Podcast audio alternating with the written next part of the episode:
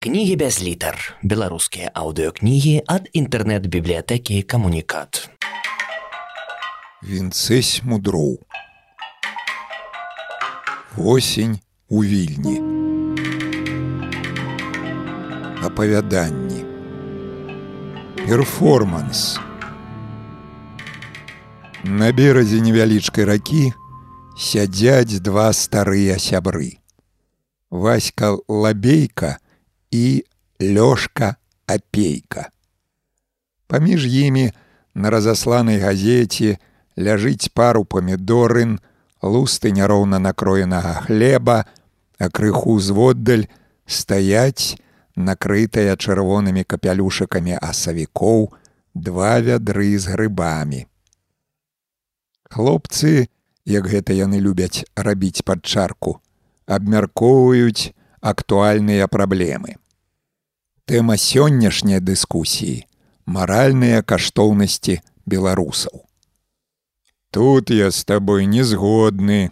Мы беларусы народ цягавіты, Лёшка апейка наліў у пластыкавы кубак гарэлку.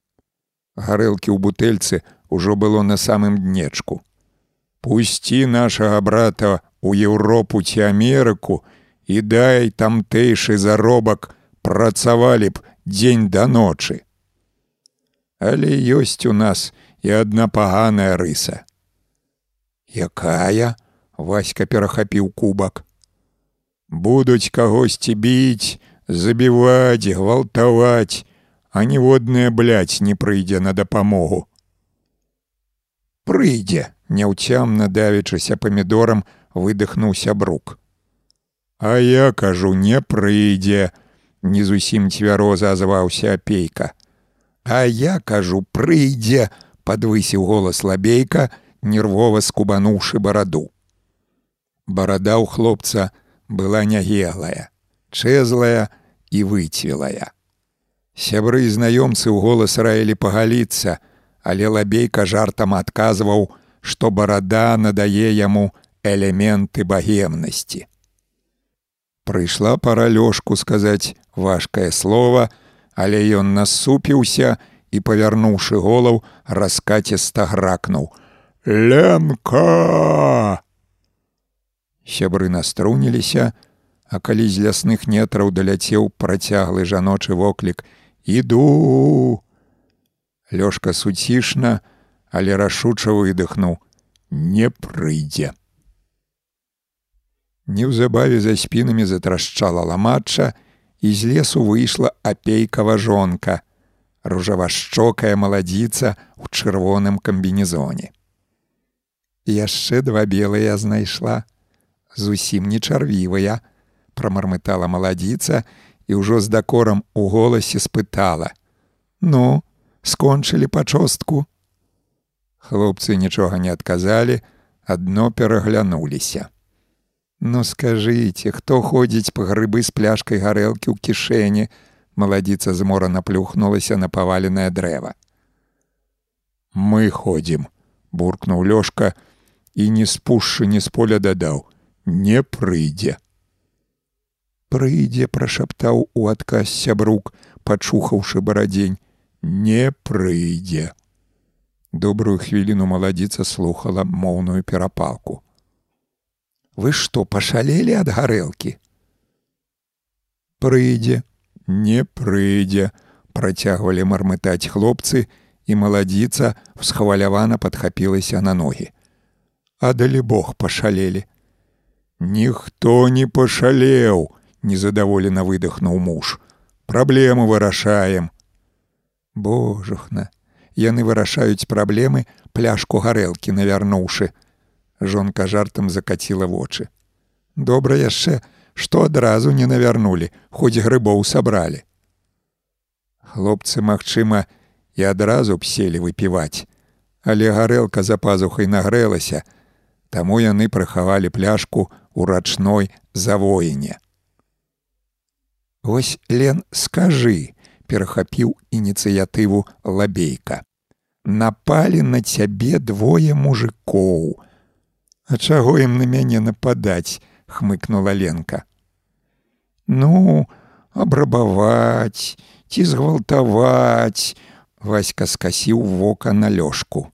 І вось ты крычыш нема: Людзі, ратуйце! Як думаеш, хтосьці прыйдзе на дапамогу?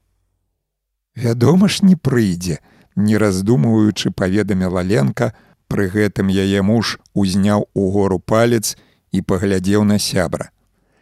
Памятаеце, на другім курсе таньку даўгалёву каля вакзала згвалтаваць хацелі.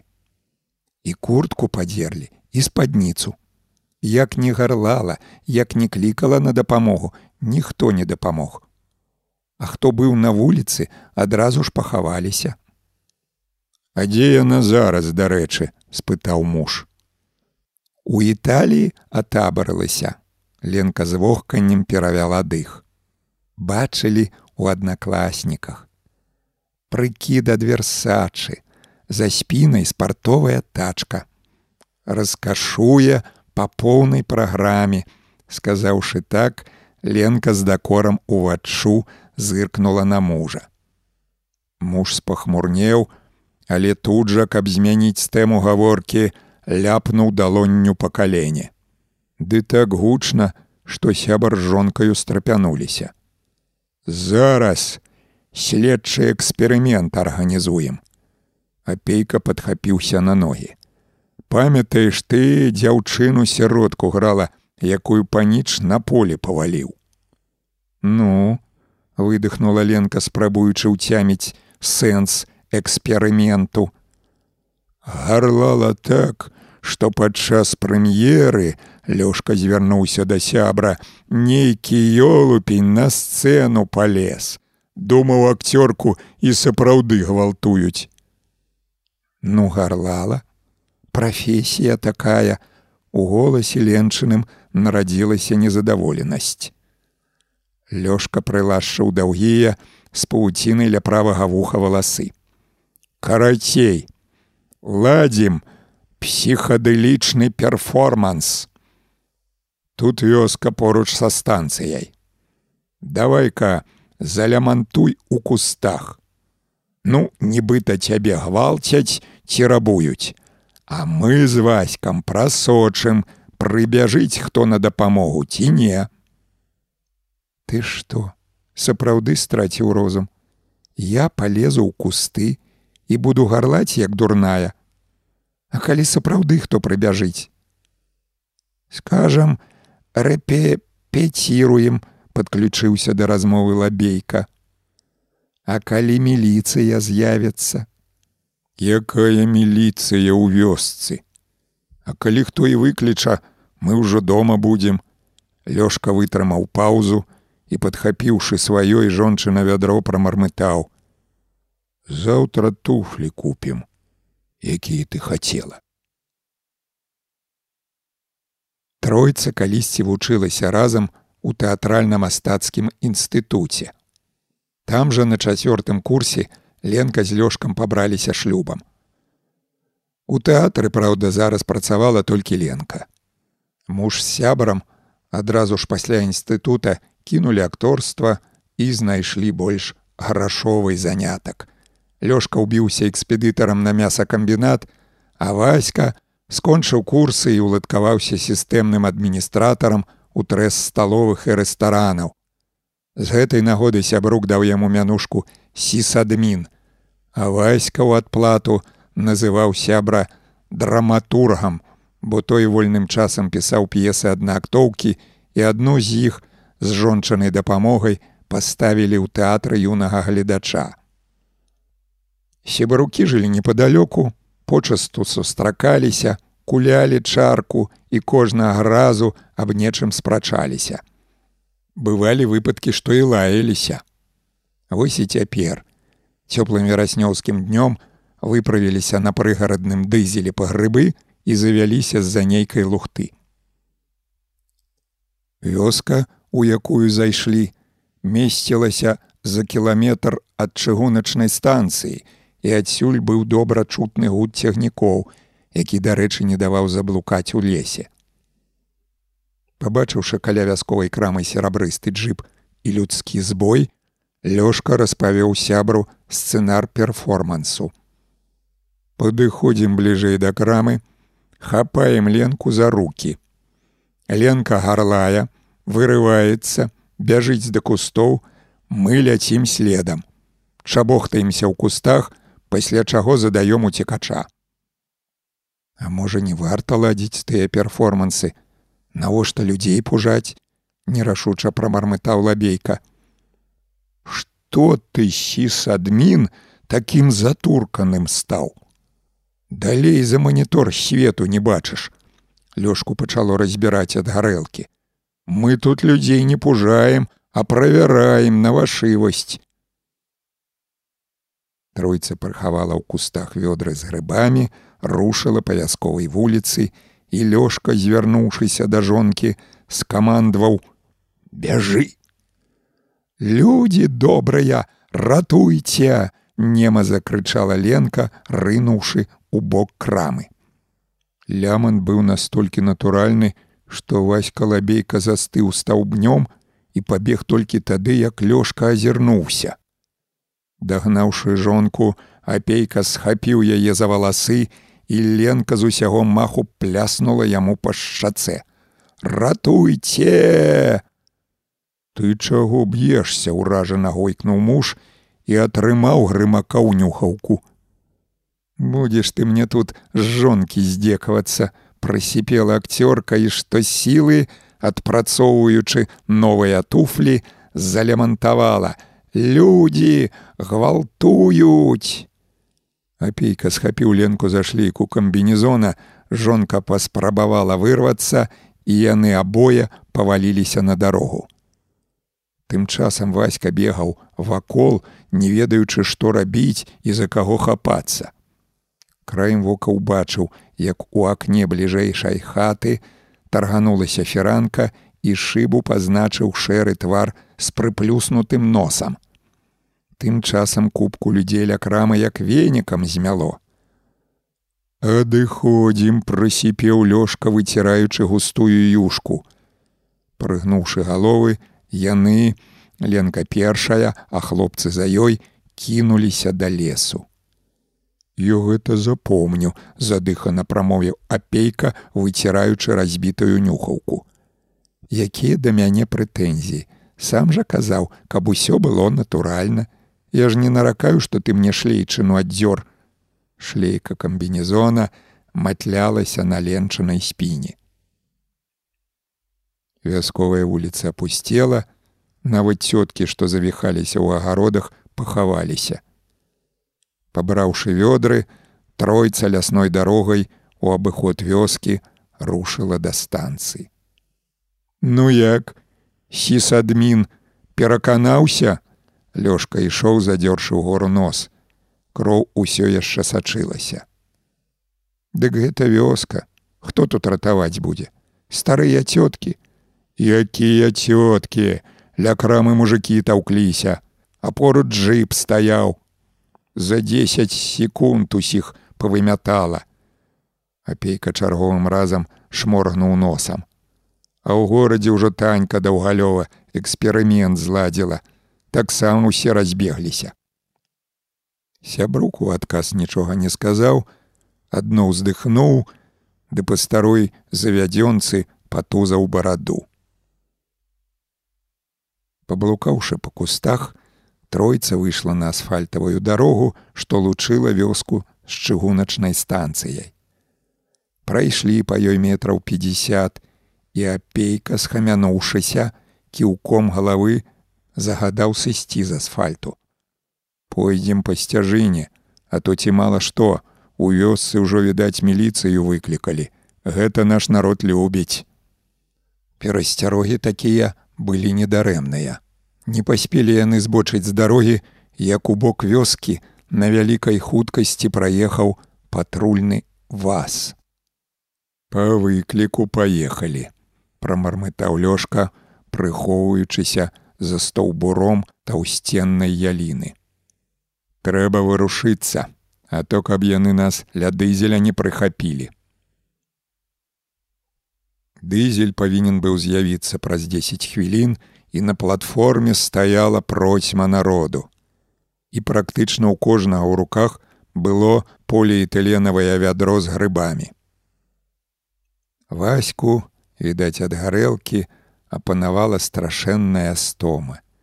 Ён плюхнуўся на прывакзальную лаву, зморана выцягнуў ногі. Тым часам сябрук з жонкай, пайшлі набываць квіткі. Васька заплюшчыў вочы, дзюбнуў носам і ўбачыў пад хвояй вялікі белы грыб, такі самы, які знайшоў сёння драматург. Ён сагнуўся, каб адчыкрыжыць грыб сцізорыкам і адчуў, як хтосьці з грубай настойлівасцю стукнуў па падэшве чаравікаў перад ім стаяў міліцыянт старлей мяркуючы па пагонах рэдкая барада сіняя куртка зношаныя джинсы прамаўляў міліцыянт ціснучы да вуха мабілу. Скончыўшы размову міліцыянт махнуў рукой загадваючы падняцца на ногі. Руку вышэй локця сціснуў жалезны спохват. Старлей павёў затрыманага да машыны, і лабейка ўбачыў ленку з лёжкам. Тыя ішлі насустрач, а згледзеўшыся брука, якога вёў міліцыянт, прыхаваліся за будынкам вакзала. Оось каго праверылі на вашывасць, падумаў лабейка, залазячы ў міліцэйскую машыну. Сябры называецца. Падышлі б, патлумачылі б, што гэта ўсё жарт і ніхто нікога не гвалціў. А яны сволачы цягу далі. Маўляў, сам выкручвайся. А як выкруціцца? Што казаць? Што ролі рэпеціравалі? Лабейка скасіў вока на міліцыянта, які сеў поруч. Твар старлея быў да рэшты суворым. Вадзіла завёў машыну, і яны выехалі на тую самую дарогу, якая лучыла станцыю з вёскай. Дзьмухні сюды, загадаў тым часам старлей, падсунуўшы ваську пад нос штосьці падобнае да мабільнага телефона. Дзе напарнік і жанчына, запытаўся міліцыянт, паглядаючы на невялічкае табло, на якім спрытна беглі лічбы. Алкатэстер, мільганула неспакойная думка. Будзем у маўчанку гуляць, са злавеснымі абертонамі выдыхнуў міліцыянт. Васька ўжо збіраўся паведаміць, што напарнік з жонкай едуць у дызелі, але тут зазваніла мабіла, і старлей каротка мацюкнуўшыся палез унутраную кішэнь. Ну што там у вас? Міліцыянт пакасіўся на затрыманага кроў і шмат можа саўдуненку з сабакам выклічам тым часам яны даляцелі да вёскі і праехаўшы па пыльным пляцы спыніліся каля крамы. Там стаяла яшчэ адна міліцэйская машына а поруч таўкліся некалькі цётак. Міліцыянт адчыніў дзверцы схапіў ваську за рукаво. Гэны, гэны, падала голас нізенькая, злая, як стручок каенскага перцу і з тварам, як печаны яблык бабуля. Ён, праўда, не біў, бегаў вакол, ды руками махаў, а біў кудлаты, а потым паваліў тую гаротніцу і давай душыць. Акручыя на пяску, перабіў гаваркую бабулю міліцыянт.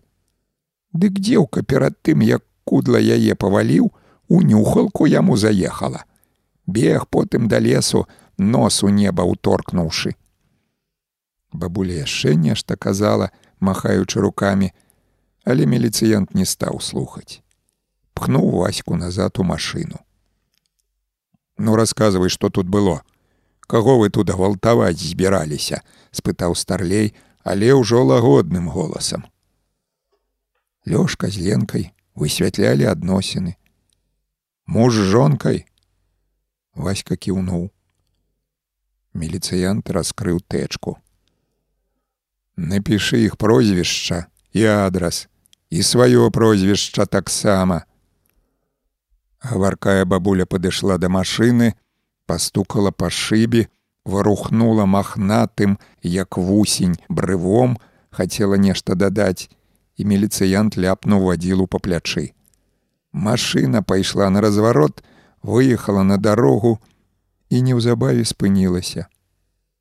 Васька няроўнымі літарамі напісаў адрасы і прозвішчы, і міліцыянт, гукнуўшы ў мабілу, трэба прабіць па базе, узяўся, блытаючы ў прозвішчах націскі, у голас чытаць нязграбную пісаніну.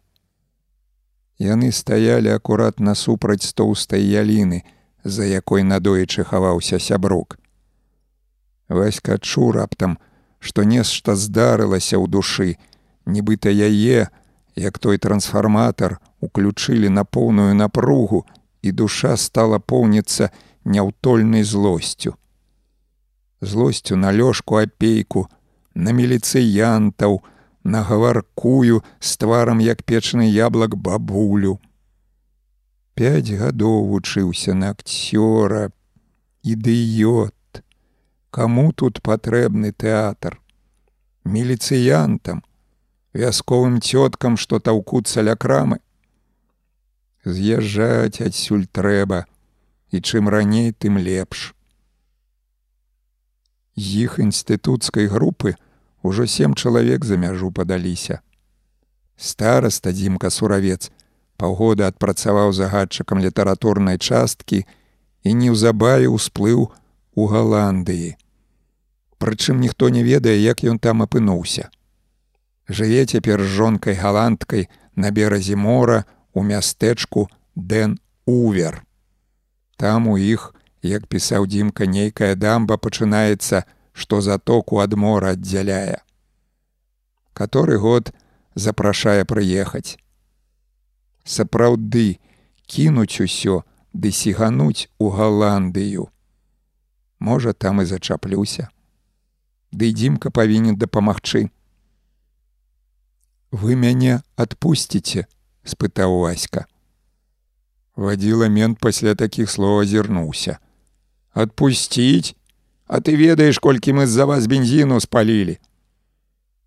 Так бы бензін скралі, а тут на нас давялося змарнаваць, апанаваны неспакойнымі думкамі лабейка панурыў голаў.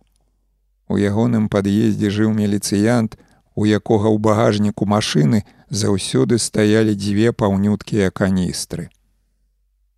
Старлей уздыхнуў: « Мы, браток, просто так не адпускаем. Міліцыянт вытрымаў паўзу. Па-першае, трэба высветліць абставіны здарэння.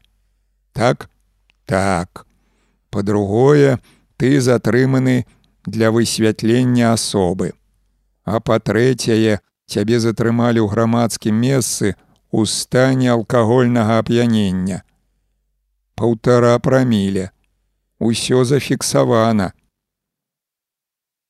Калі пад'ехалі да станцыі, Васька хацеў спытаць, ці можна прыхапіць вядро з грыбамі, але зірнуўшы на старлея зразумеў, што грыбы ўжо не спатрэбяцца. Ды іх там відаць і не было. Забралі апейкі. А што б зрабілі ў такой сітуацыі галандскія паліцыянты, падумаў лабейка. Ну прыехалі, ну разабраліся, Ну пагаманілі з якой дурной цёткай, што іх выклікала і з'ехалі. Таксама з'еду, сказаў лабейка сам сабе. Збяру грошы і падамся ў Галандыю.